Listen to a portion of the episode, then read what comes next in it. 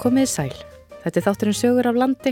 Þar sem við flökkum um landið, ræðum við fólk sem hefur sögur að segja, kynum okkur áhugaverða staði og skoðum fréttamál líðandi stundar, oft með nýjum augum. Ég heiti Gíja Holmgistóttir og er umsjónum aðeð þáttarins og með mér í dag er Þórgunur Ottstóttir, dagskrafgerðarkona á Norðurlandi. Í þætti dagsins heyrum við sögur tvekja kvenna, einnar sem ákvaða að segja upp föstu starfi og halda út í óvissuna og annarar sem ákvaða að byrja að sapna sögum um tónlistarstarf föður síns og útkoman varð bók sem við fræðust um hér á eftir. En við byrjum á þessari frásögn. Í byrjun þessa árs sagði Þurriður Helga Kristjánsdóttir upp vinnunni og hjælt út í óvissuna. Þurriður hafði í sex ár starfað sem framkvæmtastjóri menningafélags Akureyrar sem rekur HOF, Leikfélag Akureyrar og Sinfoníuhljómsveit Norðurlands. Þetta var krefjandi vinna en skemmtileg og Þurriður hætti ekki í neinu fúsi. Henni fannst bara komin tími til að sinna öðrum hugðarefnum sínum. Þorgunur Ottstóttir hitti Þurriði á Sigur Hæðum og Akureyri þar sem Þurriður er nú með vinnustofu.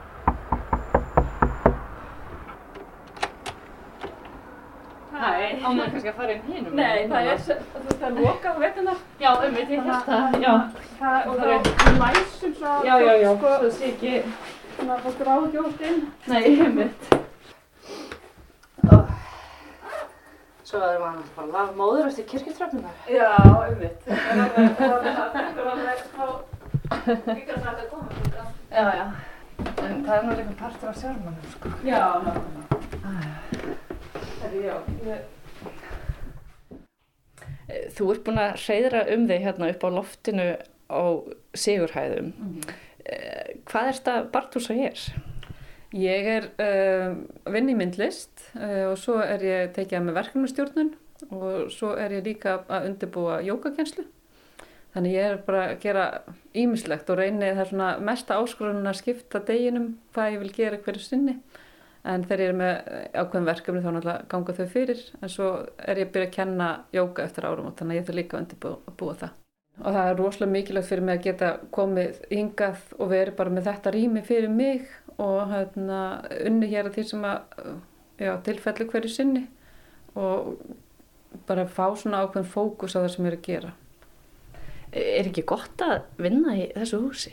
Jú, það er alveg dásamlegur andið hérna. Við erum líka með frábæra vinnufjöla og bara gott fólk sem er að vinna hérna í húsinu. Og það skiptir svo miklu máli að hafa bæði fjölaskap, maður getur farið með einhverjum í kaffi og svo er maður, þú veist, ég er hérna með dásamlegt útsinni yfir fjörðin og bara vera tengt þessari sögu og menningu sem að, hérna, já, mér finnst það bara að vera mjög gott að vinna hérna. Eh, Þú hefur starfað lengi sem verkefnastjóri og varst já, í síðastlegin sex ár er það ekki framkvæmtastjóri eh, menningafélags Akureyrar. Um, þú ert búin að skipta pínu um, um gýr, er það ekki rétt? Jú, ég er búin að skipta um gýr. Ég ákvað það fyrir bara akkurat árið síðan að segja starri minni lausu hjá menningafélaginu og ástæðan fyrir því að gera það var raunni að ég vildi lifa meiri takt við gildi sem ég hef sem er bara hægja svolítið á, vera í aðeins minna stressi, ráði mér meira sjálf þó ég hafi verið framkvæmdastjóri þá ræði maður sér ekki halvu 100% maður er með ákveðna skildur og þess að þar og ég vildi fara í svona já, bæði róleri lífstíl og geta synd mínum áhuga málum og hugaröfnum að meiri krafti. Og hefur það tekist? Já, þetta er náttúrulega búin að vera stutt tímabil, ég er bara búin að vera í sex mánuði og ég ákvað það líka að ég myndi nýta uh, þetta tímabil svona fyrsta árið í það að fara í jógakennarnám. Ég hef búin að vera sem sé taka jógakennarnám í Jóga Nýdra og barna að krakka jógakennarnám og svo er líka búin að taka sem sé núutendakennarnám og mér vantaði að mér fannst þetta 200 klukkutíma praktiska hefðbundna jógakennarnám þannig að ég skellti mér í það núna í oktober og november og fór til Nepal í jógaskóla. Og hvernig var það? Það var algjör draumur. Það var alltaf, mér er búin langa til að fara í jógakennarnám sín ég var 15-16 ára. Þannig að þetta var svona bara upplifa það að draumurinn var að rætast. Þannig að ég var mjög mikið að svona bara klípa mig að ég væri raunverulega stödd aðna og ég gæti horta á heimalagi fjöllin þegar mér langaði til og, og það þarna, að vera í annari heimsálfu þar sem að jóka og jóka heimsbyggin er uppbrunnin það fannst mér vera bara mjög gefandi og það var akkur það sem ég langaði til. Ég var, vildi, það eru frábæri jókaskólar og jókakennar hérna á Íslandi en mér langaði til þess að fara og þú veist, bara svona sökka mér ofandi í þennan, þú veist, ákveðin tíma og gefa mér svona hérna já, þetta var rauninni mánuður og gefið mér bara þá þann tíma bara til að hugsa um þetta. Og ég þurfti ekki að vera veist, með daglegt amstur ég og þrjú börn og, og mann og heimil og allt þetta. Og þá bara getur maður lagt það alveg til hliðar og það var mjög dýrmætt. Uh, Getur þú sagt mér aðeins svona frá þessum stað og, og svona þessum skóla sem þú fórst í? Já, hann heitir sem sé Nepal Yoga Academy og er staðsettur svona klukkutíma fyrir utan Kathmandu og það er uh, kennarinn sem að reyku skólan, hann er með doktorsprófi í sanskrit og er með tvær að þrjár masterskráður í svona jógatengtum fræðum og, og nuttfræðum líka. Og hann er mjög vel að sér í sem sé svona uppbruna jóka og uh, vetarittunum og, og uppansjat og, og bakaut gíta og allt þetta. Og þetta er alveg svona hann er með alla þekkinguna og svo er hann mjög færi í uh, stöðunum, jókastöðunum og leggur samt mjög miklu áherslu að það, það sé verið að kenna grunn heimsbyggi og kenna frá upprunnulegum bókum og þá er það, það sem sé að stanga jóka hérna, eftir Patanjali og svo Hatha Yoga Pratipika og samt Bhagavad Gita og, og, og svona fleiri rittum. Nú, nú ertu að segja hérna einhver orð sem að ég skil náttúrulega ekki Þeir sem að það getur jóka þá vita að það er sem sem flest jóka er uppbrunni frá þessum, þessum astanga jóka sem er átta hérna, þáttakerfi sem að Patanjali kemur með fyrir um 3000 árum síðan.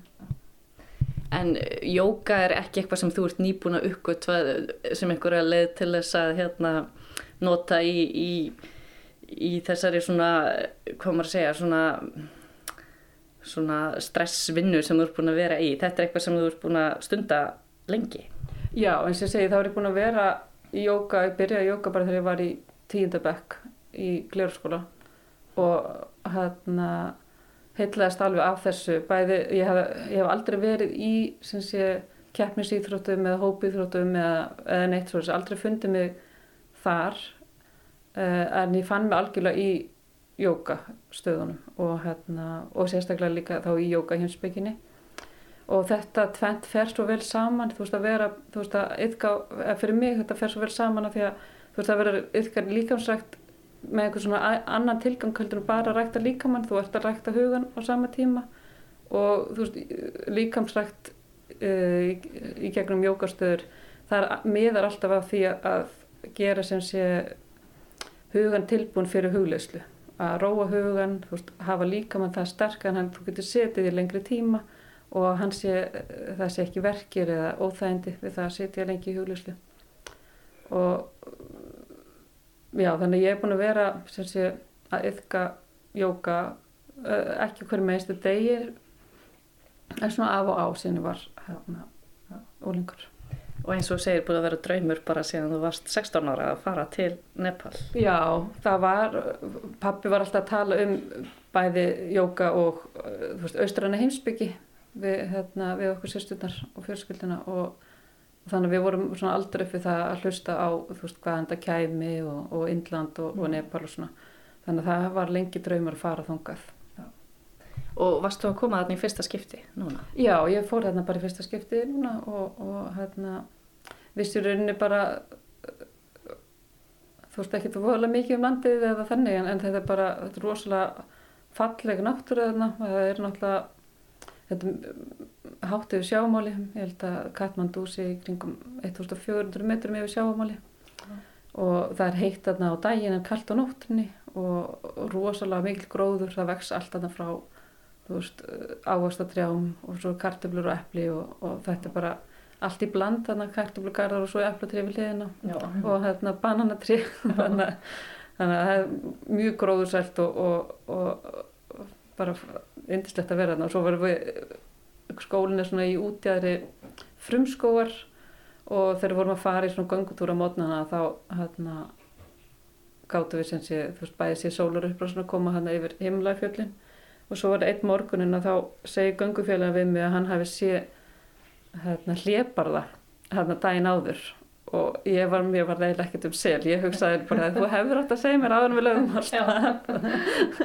en hann var hvergi í bankin, hann var þetta bara að vera fullkomlega eðlögt að, að þarna væri bara hlébarðar og, og, og önnur dýr í skójunum og, og hérna, en það er, þeir ráðast vist ekkit á fólk nema í, það er allan mjög sjálfgeft.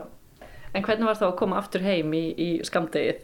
Já, það var svolítið viðbröð að koma í skamdegið en, en ég haf mjög góð fjölskyldu og þetta ásamt að koma aftur hérna til barnana og svona og, og erfitt að vera svona lengi burti frá þeim. En ég var líka mjög fegin því að vera búin að segja upp, þetta væri ekki svona hérna, þú veist að fara úr uh, svona stressvinnu, taka mánuði í pásu og kom svo aftur í, svona hérna, uh, já mikið áreiti. Þannig að það var bara mjög bara búin að vera mjög góð lending að koma heim og, og frábært að geta einbytt sér að aftur að þarna, því að þetta er náttúrulega byggist líka alltaf eigin yðkun, þú veist það að fara svona í burtu og vera í hérna alla daga hérna í jóka og það er bara séð fyrir öllu og svo er það náttúrulega þín eigin yðkun sem að skiptir raunum mestu máli, þú veist hvernig þú hérna notar þetta í daglu lífi og að hérna já, að það sé svona regluleg ástundun. En hvernig sérðu fyrir þér að nýta er þetta nám? Ætlar að fara að kenna jóka? Já, ég hef verið að kenna sem sé jóka nýtra og það er svona slökunatækni sem að þá liggum maður út af og þarf ekki að reyfa þig þú letur gegnum djúpa slökun og tekur yfirleitt svona kringum hálftíma til klukkutíma og þetta hefur mig þjótt alveg rosalega hérna, með bara mjög væntum jóka nýtra, mér finnst það bara að vera það er ákveðin galdur sem fylgir í að fara í gegnum svona djúpa slökun og gera það reglulega. Sjálf fer ég, ég nýtir að náast á hverjum degi og gera það sérstaklega, mér finnst það sérstaklega mikilvægt þegar ég var að vinna hjá menningafélaginu bara aðeins að kúpla mig út úr deginum og þú veist ná þá ákveðinu lendingu að hann kemur, væri heima með krökkunum. En mér langar til þess að fara að kenna uh, rauninu bara byrjanda jóka, svona hata jóka og það er þá fara svona bara ítalega í, í stöðunar og kenna fólki sem að hérna, vil kannski fara þá í, í líkansrættu stöðar eða eitthvað svolítið mm -hmm. að svona ákveðin grunn. En uh, hér í Sigurhæðum sé ég að þú ert að vinna að myndlist. Mm -hmm. Já og ég sem sé fór í bíanám í myndlist eftir að klára mennskona akkuriri og hef svona, var, að, var svona aðeins í því eftir að kom heim tilbaka eftir nám en svo þegar ég eignast börn og fór í, í 100% vinnu að þá var það raun, hérna, þetta alveg út. Svo var ekki fyrir 2019 ég var að byrja aftur og fann að þú veist þá er krakkarna alltaf eldri og ég fann ég hafi meiri tíma. Og mér fannst þessi bara þetta er þú veist eins og allir sem eru í einhverju sköpun sem er náttúrulega bara flestir að þeir, þetta er einhver svona innrið þrá maður vil svona koma einhverju út. Og hérna mér fannst það bara að vera að koma svo mikið tilbaka. Ég ákvaða að, að hérna, setja mér það mark með að hafa síningu, ég síndi fyrstu síningunum mína örgulega eftir 15 ára hlið í mjölkubúðinni 2020 eða 2021 rennur svona saman sér COVID-tími. Og, og hérna núna er ég búin að einsetja mér að setja vera með síningu aftur þá næst ári. Og, og gefa mig góðan undirbúinstíma í það því að þetta er líka eitthvað sem að það er svolítið erfitt að setjast niður bara og alltaf að þarna, láta sköpunum að flæða, maður þarf líka að þú veist vera viðbúin því að, að það kom ekki alltaf einhver mestaraverk þegar maður sest niður og, og allar að byrja að skapa. Verkið sem hún sér hérna núna það er, sömur eru frá síningunum hérna í mæ, mm -hmm. held að var verið 21 og þá var ég að vinna svolítið með textíl og uh, texta úr gömlum morgunblöðum mm -hmm. amma og afi sem sé byggur fram í sveit hérna í eigafyrði og þau geimdu eiginlega allar lesbók morgunblöðsinn sem þau fengið heim til sín og ég komst í þetta gós og, og Jón Lagstall var alltaf mikil fyrirmynd hjá mér í hérna, myndlistinni og mér fannst ég þurfa einhvern veginn að gera eitthvað við þetta og það var svo gaman að lesa þessa hérna, gamlu texta því bæði er náttúrulega tungumála aðsbreyst en það er líka verið að tala um allt aðra hluti heldur en um tala um í dag. Já. það er verið að tala um þú veist, tilgang lífsins.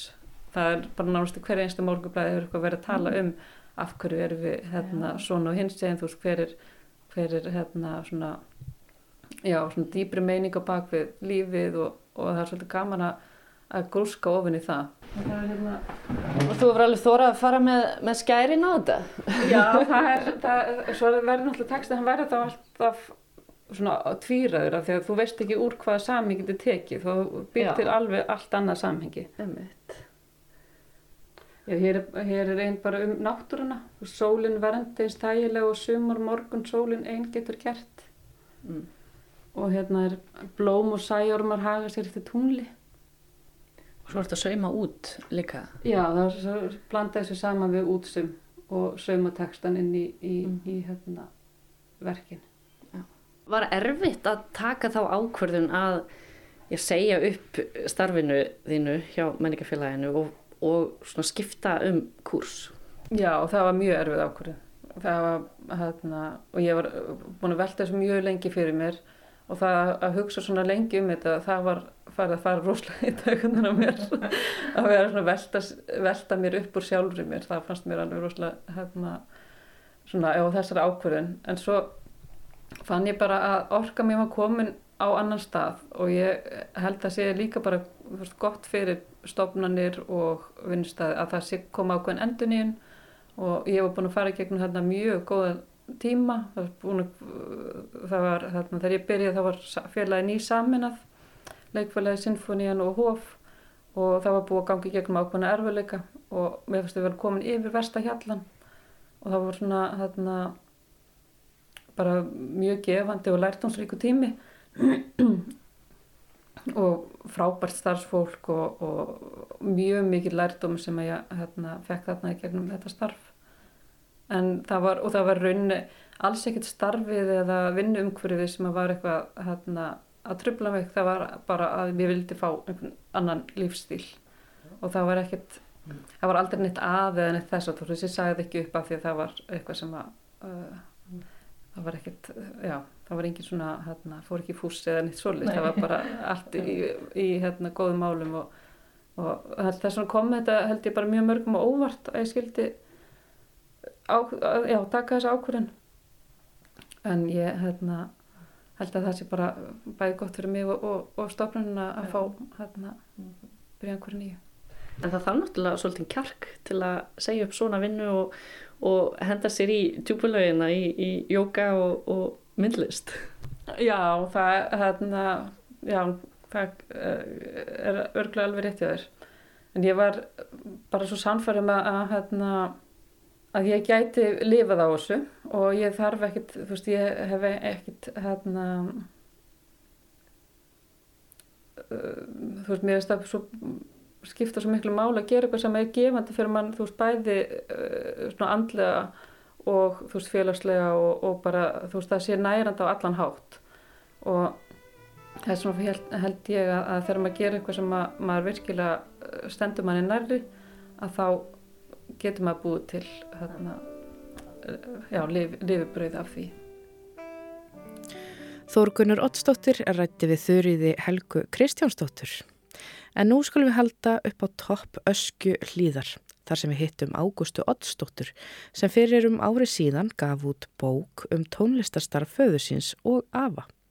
Við forveitnumst nú um bók sem nefnist Þegar kjósin ómaði af söng.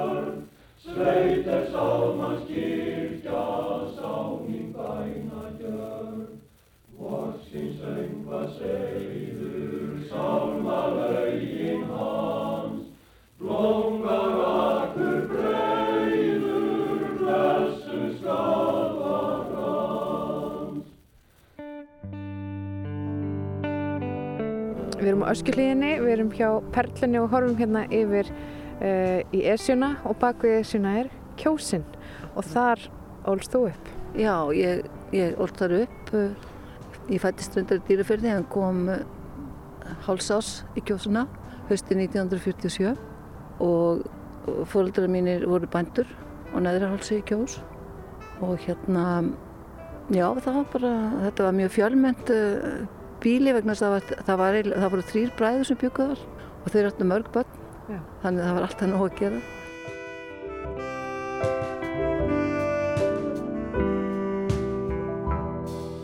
Kjósin er bara nærnir að kvalfyrði, handan esjunar og alveg inn að, uh, hvað ég segja, Mosulsheiði eða Þing, Þingvallarsveit og það er Laxárdalur og í kjós, hún rennur eftir dalnum og eftir sveitinni allri og í kvalfyrðin. Þegar þú varst að alast upp var kjósin sko afskekt, var hún, var hún nálagt Reykjavík eða, eða langt í burtu frá Reykjavík? Já, ég veit ekki alveg hvað að segja með það. Það var náttúrulega, samgöngunar voru alltaf öðruvísi. Þannig að já, manni fannst hún eiginlega alveg sér sko. Og það var reyndar, sko það var rúta sem gekk um kjósuna. Alveg frá því ég var, já frá því ég kom ángað. Og hérna, það voru rútuferðir um, allavega tvo virka dag og um helgar. Og rútan hafði sko aðsetur á neðrahálsi. Þar fengu bílstjórarnir fæði húsnæði þegar þeir voru þar.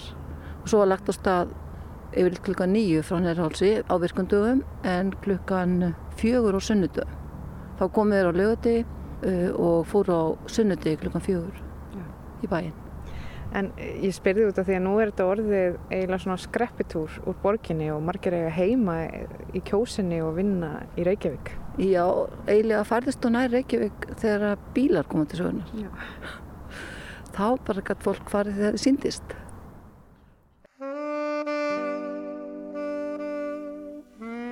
En svo kemur náttúrulega stríðið og, og kjósin verður svolítið þunga með því að í, eða kvalfjörðurinn í stríðinu vegna þess að, að hérna breski herinn kemur þarna inn fjörðinn og, og, og hérna hann, hann hersettur þrjárjarðir og bændun þurftu bara að gera svölu og fara. Já. Var Kvítanes, Kvammur og Kvamsvík og svo náttúrulega settur upp oljubyrðastöð inn í innst inn kvalfyrði.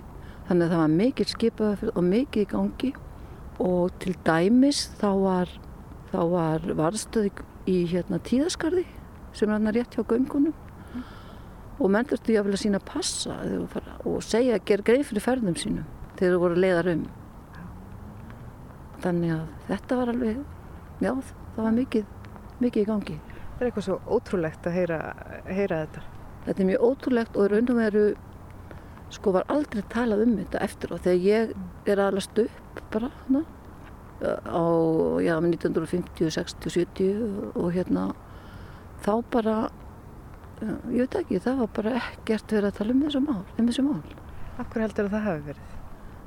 Ég veit ekki, ég bara veit alls ekki sko. það, það, það, við krakkarnir vorum svolítið vöru við þetta herstand vegna þess að öðru hverju þá kom löng lest af herbílum bæði trukkum og hérna jeppum, fullir af hermunum sem voru leiðin kvalfjörð og svo, uh, og svo þar og eftir komu svo aðrir innan um kvalfjörð og voru leið söður og við, þegar við vorum að spyrja um þetta þá var að vera að segja að þeir eru að vera að skipta á vakt, skiptast á að vera á vaktarninn frá hermenninir þannig að, og svo ekkert meira með það sko.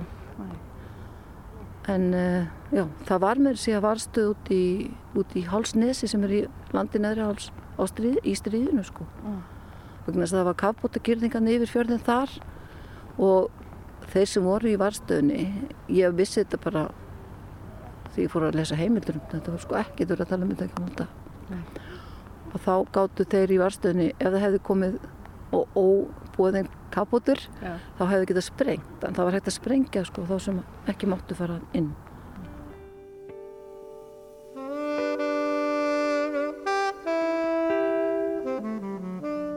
Eh, Þú ert búin að skrifa bók. Segðu mér aðeins frá henni. Bókin heitir Þegar kjósin ómað söng og hún vísa bara í kviðling sem gekk um sveitina og hérna kannski svona 60-70 eitthvað svo leis Já. á þeim tíma hún fjallar eiginlega um söngstar föðumins og afa kannski meira föðumins hann var organisti í, við Reynavallakirkju í kjós og hérna afi minn Andres var organisti við, í Reynavölla prestakalli sem var Reynavölla kirkja og Sörbæðakirkja á Kjálnesi sem stendur hann við göngin, Hvalfjörðgöngin. Og afið minn er fyrir 1900 þá byrjar hann, er hann orðin organisti á þessar tvær kirkjur og þá voru komin orgelíðar. En áður náttúrulega voru, var hann forsöngvari. Þá var sönguri leittur með þeim ætti í kirkjónum. Og hérna, Andres afi minn var að mestuleiti sjálflærður, hann lærði stutti á tveimur kennurum en pappi minn hann lærði hjá sér að Halldóri og Reynavöldum, presti sem var mikill tónlistamæður, mjög tónerskur og var tónskáld. Og þegar afi minn eh, Andres Deyr 1931 þá bara skelli pappi sér í það að læra hjá læra orgel. Og hérna tók svo við aðeins nokkrum árum setna.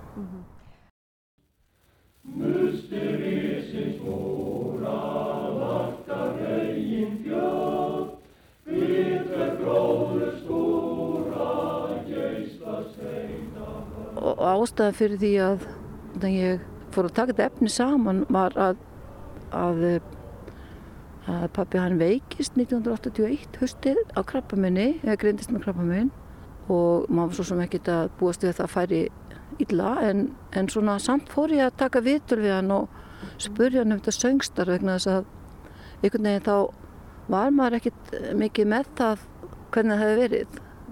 Vegna þess að þetta var bara einhver hluti af lífinu og gekk bara fyrir sig eins og bara heia og fara í fjúsið og, og, og, og í og spila við orgelið eða æfa kallakórin eða einhver annar aðra kóra. Það var bara eins og allt hitt og það var ekkert verið að ræða það sérstaklega en um, já, þannig að já, ég náði að taka nokkur viðtöl við hann um, um söngin og hann dó svo vorið 1982 þannig að það var mjög gott, ég skildi náði. Og, og fyrst að ég náði því þá held ég svo áfram og talaði við systur hans og mömmu og einhverju fleiri sem hafði verið með honum í kórum. Og svo já, svona næstu árin svona bara stundum sko. En þetta var ekkert markvist hjá mér. Fyrir en 2016 þá hitt ég fólk sem er svona tengt kjósinni og var eitthvað að ræða við þau. Og þá fann ég að þau vissu bara ekkert um þetta söngstarf. Svo ég hugsaði með mér að, að það væri eiginlega bara nöðsilegt að taka eitthvað efni saman um þetta. Svo að þá byrja ég bara að sapna svona rítum heimildum um lífið í sveitinni á þessum tíma. Þegar þetta fyrir á stað allt, allt þetta söngstarf finn áður. Og, og hérna sapna bara alveg fullt af heimildum og, og svo 2018 þá er þetta orðið já, bara yfir 100 þett skrifa blaðsíður og þá leitaði, leitaði til Bjarka Bjarnasonar í Moselsbæ og spurði hvort hann vildi aðstofa með að gera þetta bók sem hann gerði. Og við lukum við þetta höstið 2001 Þetta er búin að vera langt ferli. Þetta byrjaði það þarna þegar þú byrjar að taka viðtal við pappaðinn og Já. svo þanga til eiginlega bara núna. Já, það má segja það. Þetta fór svona, þetta fór náttúrulega mjög rólega fyrst að ég var ekkert að, var ekkert að miða að því raunulega að gera bók endilega sko. Mm. Vildi bara ná þessu þannig að þetta týndist ekki. Og það var mjög gott að ná þessum viðtölum. Svo held ég áfram að taka viðtöl líka eftir 2016 við fólk í sveitinni. Og það var mjög gaman. Ég fekk miklar upplýsingar þannig sko. Þannig að bókin er í rauninni, það fjallar þungamiðjan er söngurinn og, og líf og starf pappaðins og afaðins. En svo er þetta bara öll kjósin undir. Já, já, já, já. Það er til dæmis einn kapli sem heitir Söngbændatal Já. sem er um, um fyrsta kórin sem var stofnaði sem var kallað kór Kjósverja Já. og sennilega hafði byrjað, hefur hann byrjað að þjálfa svona cirka 1935 því að 1931 stofnaði hann kvartir með bræður sínum. En þeir voru sex. Og hann stækkaði kvartetinn upp í oktet með því að bæta bara við tveim öðrum úr sveitinni. Og oktetin var síðan að kalla kór kjósverja. Já, já, já. og hérna og söngbændatalið er um alla stutt um hvern sem að var í þessum kór Mm. það voru allt kjósverjar og yfirleitt bændur eða bændasinnir þannig að það var mjög gaman að, að ná því Áttu ennþá tengingarnar upp í kjós, eigið í jörðina og slíkt? Er þetta ennþá í fjölskyldunni? Já, sko bróður minn á jörðinu er bóndi. Já. Hann heiti Kristján Olsson og, er, og Dóra konan hans, Dóra Rúf. Þau eru með lífræna, lífræna ræktunarjörðin sinni og framlega lífræna mjölk. Þau, þau, hérna, já, þau, framlega jógurt og mjölk og svona ymslegt úr þessu. Já, já, já. Bíobú, er það? Já, já, já, akkurat. En ferð þú oft upp í kjós? Já, við eigum sumabústað við hjónin, eða við fjölskyldan. Já, já, við förum bara eins og ofta við getum því að það er svo gott að komast í sveitina. Það, það svona, leikur allt stress af manni og s- maður slaknar alveg. Bókin kom út fyrir ári síðan. Hvernig, svona, já, hvernig hafa viðtökurna verið og hvernig var svona fyrir þig að fá svona grip í hendurnar sem þú ert búin að vera að vinna að í allan annan tíma?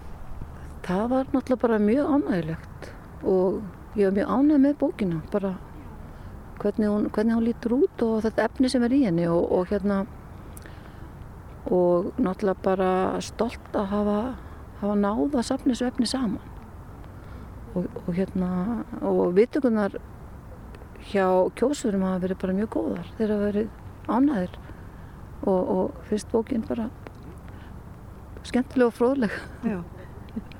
Og svona að skrifa um kjósina, það þarf bara væntalega að leggjast í fleiri rannsóknir um þetta svæði. Þetta er kannski svæði sem pínu gleymist eða hvað? Já, það mætti alveg, halda áfram, halda Já. áfram einhver vill. Gerna. Takk fyrir að hitta mig hérna upp í öskuhlíðinni, uh, horfandi yfir Esjuna og þar bakvið er kjósin. Uh, takk fyrir spjallið Ágústa Oddsdóttir og gangiði vel. Þakka þér fyrir og sömulegis, takk fyrir mig.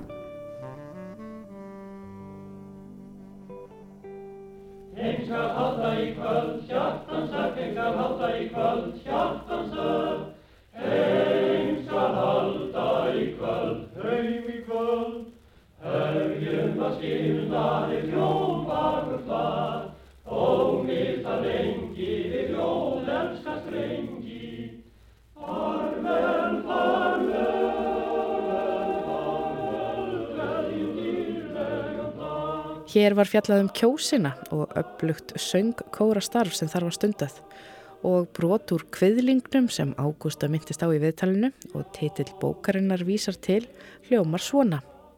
Þá var öldin önnur þegar kjósin ómaði af söng. Þá var ei í félagsgarðin leiðin laung. Og kórtónlistin sem hljómaði voru tvö lög í flutningi Karlakós kjósársíslu undir stjórn Odds Andrissonar, föður Ágústu. Og var þetta tekið upp á segulbjönd hjá Ríkisútvarpinu, líklega árið 1962. En nú að öðru. Þann 20. janúar á því herrans ári 1942 lagði fjölmennur flokkur breskra hermana upp í æfingagöngu frá reyðarfyrði á Eskifjörðarheiði. Átta úr hópnum urðu úti á leiðinni. Einsker tilviljun réði því að hinir úr hópnum lifðu af og líklega er það allt bjargvættunum úr veturhúsum að þakka. Þar bjó fjölskylda sem kom hermönunum til bjargar en bræðurnir Páll og Magnús Pálsinir dróu eða báru 48 hermenn heim á bæin þar sem móður þeirra og systur heldu í þeim lífinu. Ein sýstirinn, Bergþóra Pálsdóttir, skrifaði um atbyrðina í lesbók Morgublaðsins árið 1964 og segir þar að eftir úrhellisrykningu hafi byrt til og frosið svo skyndilega að ekki náða þorna af steinum. Urðu því allir melar ísaðir. Grunnstingull kom í vötn og fannir urðu svelllagðar ofan. Hermenninni bresku voru ekki búnir fyrir slíkar aðstæður og því fór sem fór. Árið 2017 heimsótti Rúnar Snær Reynisson fréttamaður á Östurlandi þann eina sem eftirlifandi var af sískinunum í veturhúsum. Það var Magnús Pálsson og var þá komin á týraðis aldur þegar hann rifjaði upp þessa erfiðu nótt.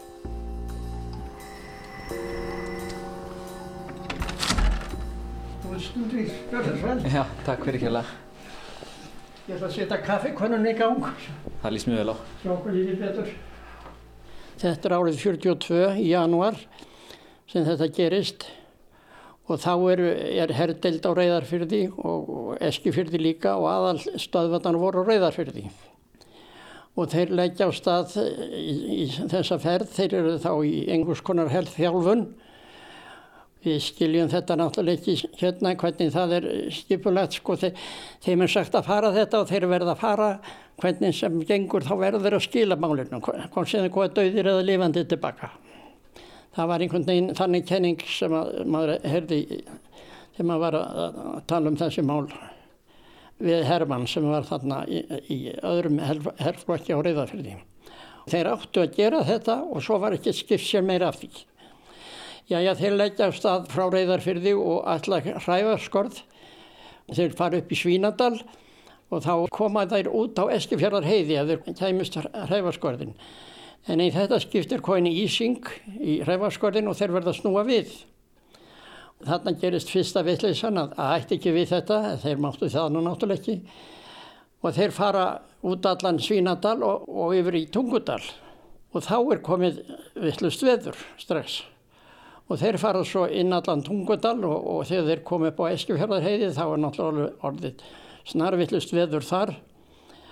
Og þeir koma út af Steinsárklettum og Steinsáin er afskaplega slæmi yfirferðar. Hún er Hún er náttúrulega orðin alveg fljótandi vassfull nú, þarna og hún rennur á klöpp og það er stengkast í genið mikið. Og þeim náttúrulega, þeir eru alveg ókunnigir og þeir fara ekki niður með áni sem hefði náttúrulega verið þeirra, þeirra líf að komast niður, niður á jafnsléttu heldur fara að reyna að komast þarna út yfir ána. Og þeir hafa það að hafa komast út yfir steinsána en það kostar það að, að yfirmaður sveitarinnar hann fótbrotnar og þeir verða að skilja hann þar eftir, búa um hann þar og, og halda svo áfram en þá er enginn til þess að halda saman hófnum. Þannig að, að þeir bara tvistrast þannig að það fyrir hver sína leið, hver fyrir að bjarga sér. Og í staðin fyrir það að, að koma gödurnar út með í andalinn fara til að fara út með ánni. Nú skulum við skilja við á þarna og nú skulum við koma að vetrúsun. Við erum kominir úr, úr kólavinnu þarna, bræðurnir, Pátt bróður minn og ég, búin að vera tvo daga þar og erum ekkert sérstaklega vel að okkur kominir til þess að fara að standa í stóraðum. En sem sagt að hann fyrir þarna um kvöldið þegar við erum farin að sofa, þá fer hann út til þess að aðtuga hvort að fjárhúsin séu lókuð, almenlega, því að það var alveg svo slemt veðrið. Þegar hann er á leiðinni heim þá sér hann einhverja þúst á túninu þarna rétt, rétt hjá bænum heldur nú að þetta sé eitthvað sem er að fjúka bara fyrst en, en sér svo að það, það fer á móti vindinum og hann fyrir að kanna þetta þá er þetta maður og þennan mann dröslar hann inn, inn í bæ og við skiljum náttúrulega ekkert hvað hann segir eða neitt að hann, hann, þetta er breskur herrmaður en þó fáum við þá sjóna þessu að það sé fullt af hermönum úti. Og að við vitum á hverju vegum von. Og þarna byrjar okkar starf allan úttina að týna inn þessa hermenn. Við förum þarna fyrst af stað og, og, og reynum að hafa ljós á svona fjósalugt sem var þá sem að þurfti að skíla á bakvið sig mest þess að halda lífi í. Hittum fyrst tvo menn og, og, og það gengur ágætlega koma þeim heim. En þá fyrir við að heyra róp og köll hingað og þangað út í móum þarna fyrir neðan og það var dáltið eh, áttak sko að það var að tala, kalla þarna megin og hinu megin og við gáttum náttúrulega ekki farið nema eitt stað í einu. En svona gekk þetta alla nóttina. Við erum alla nóttina að drösla inn þessum mönnum. Þær sýstur mínar og móður mín þeir taka móti þessu eh, heima taka það á blöytum föttum og þeir eru settir í rúm uppi þá er það, það, það var hérna, þröngt á þingi þarna því þetta er lítið hús hjá okkur og, og, en þeir eru settir tveir í rúm í einu og svo eru þeir teknir vaktir eftir tvo tíma og aðri settir í staðinn. Svona gekk þetta alla nóttina.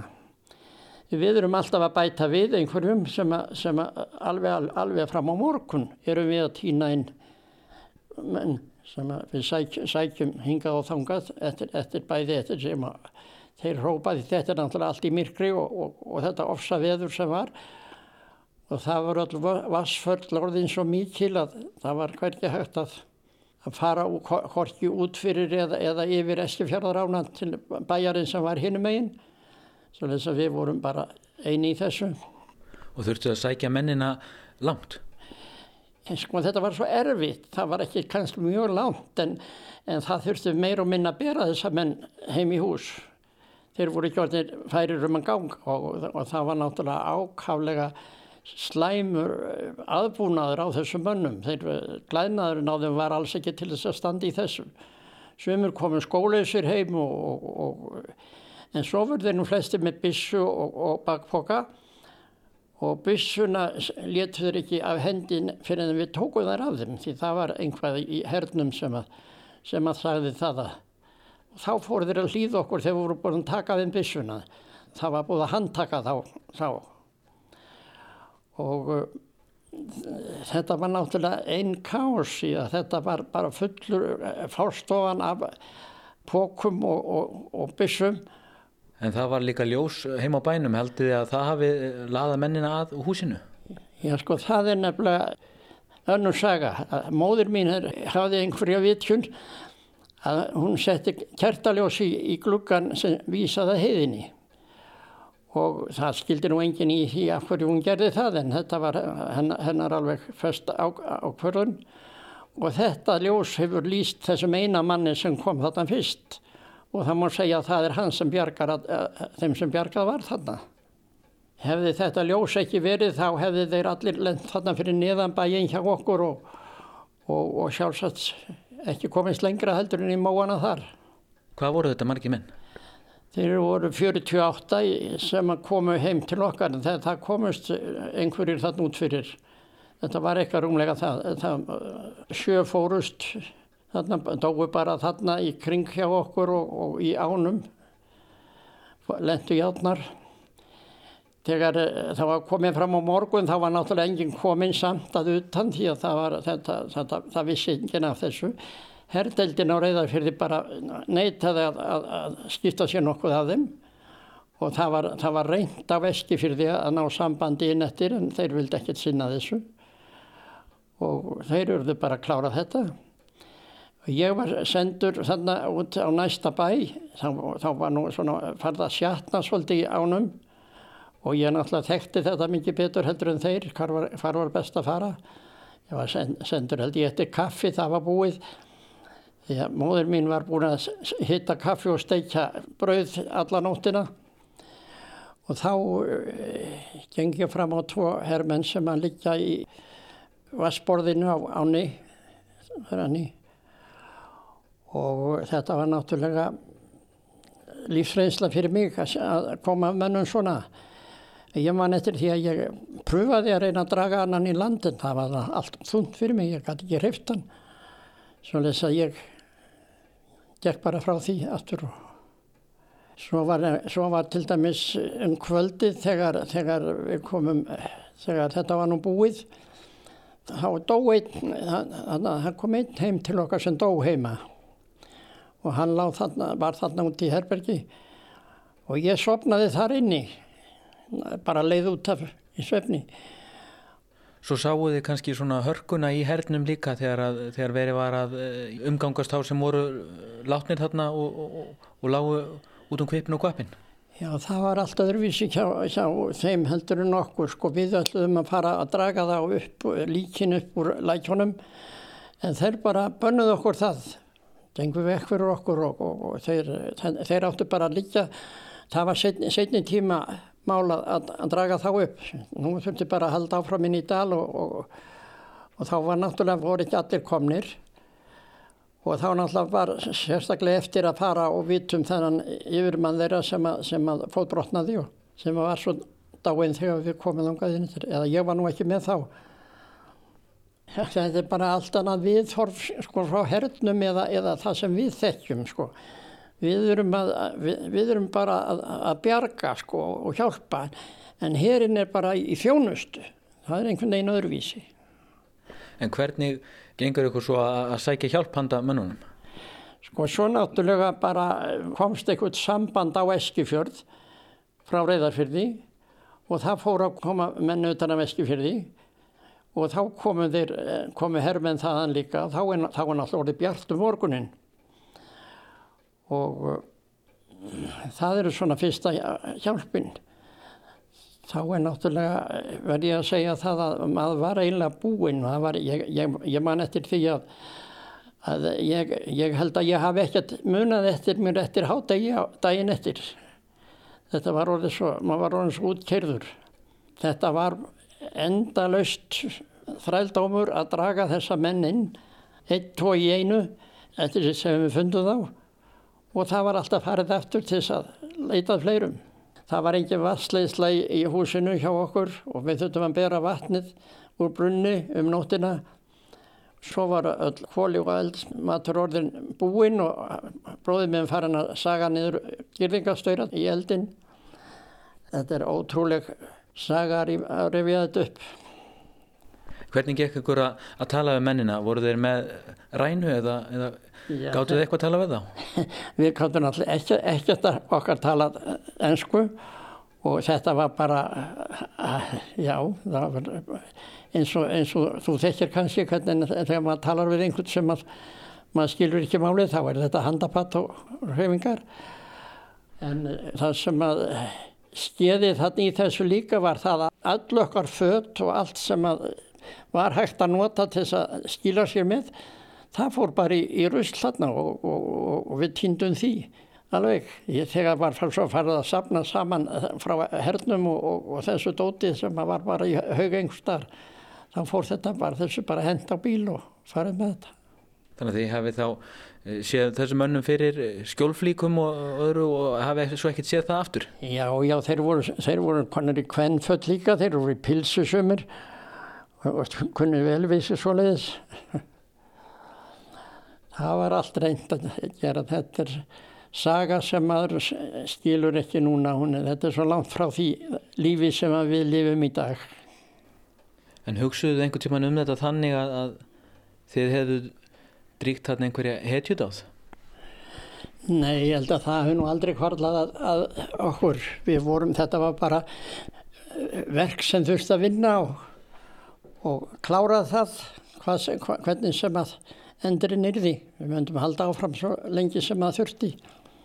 Það skeður svo hérna löngu, löngu setna, það er 70 árum eftir að, eftir að þetta gerist, þá fáum við þakkar ávarp frá bresku stjórninni fyrir þessa björgun sem virðingu fyrir, fyrir þetta. Þá var ég einn, einn á lífi af þessum, sískinu mínum og En hefur þetta haft einhver svona áhrif á þig? Hugsaður þú oft um þetta eða? Nei, það skrítna við þetta er það að það var aldrei talað um þetta heima. Við töluðum aldrei um þetta og þau sískinni mín töluðu aldrei um þetta og, og þetta var náttúrulega þannig að, að við okkur fannst þetta vera svo eðlilegt að það, við vorum bara að bjarga þessu fólki og, og það var ekki allast neins fyrir það. En Þetta hafði auðvitað áhrif. Þá var nú ekki til þessi hjálp sem fólk færi eftir svona rakninga, færi einhver viðtöl. En það hefði sannlega ekki vita því þá. Ég held að það sískinu mín hafi alltaf geimt þetta í huga sínum. Svona, ekki. Ég kannski losnaði fyrir við það því ég var svona ungur. Ég er 15 ára þegar þetta var. Já, bróði minn sko, hann, þau sískinu minn tvö lendu í bílslýsi, þannig að nokkrum mörgum árum setna og þá var bresk hjúgrun og konar á Reykjalundi sem að fór að skoða þetta og Bergþóra sýsti mín hafi skrifað þetta í, í eitthvað blað og hún setti þetta í blöð erlendis þannig þar sem að þess, þessi hópur var frá og Pál fokk alveg óhemja brefum og, og þakkar kortum frá þeim þegar hann var þarna á Reykjavílundi. Hann var nú yfir 20 ár á Reykjavílundi. Hann lamaðist í, í þessari bílslýsi sem hann lendi í og var fyrst í þrjú, ára á landsbyttaranum og svo, svo á, upp á Reykjavílundi. Náði aldrei að geta gengið sjálfur. En fannst þá herrmennunum það vera grimmilega örlög Pálsbróðins að lendi í svona slisi eftir að hafa Já. bjargað svona mörgum? Já, þeir sendu hann svona samúð sína þannig að þetta voru falleg bref sem þeir fengu, sem er sendu. Það voru náttúrulega aðstendendur sko þessara manna því að þessi herrflokkur hann þurkaðist að messu leiti út í innrásin í Normandi. Ég, ég segi nú stundum að þetta væri efni í kvikmynd sko. Rúnarsnær Reynisson rætti við Magnús Pálsson frá Veturhúsum um hetjudáð á stríðistímum. Viðtalið var tekið upp árið 2017 þegar Magnús var á týraðis aldri. Magnús lést árið 2021. En þá er komið að lokum í sögum á landi í dag. Í þættinum var einnig rætt við Þurriði Helgu Kristjánsdóttur sem sagði frá ákverðin sinni að hætta í fastri vinnu til að sinna öðrum hugðaröfnum. Einnig sagði Ágústa Ottsdóttir frá bóksinni þegar að kjósin ómaði af söng sem fjallar um samfélagiði kjósinni og upplugt söng kóra starf sem blómstræði þar á síðustu öld. Við þökkum þeim sem hlýtu lífið heil.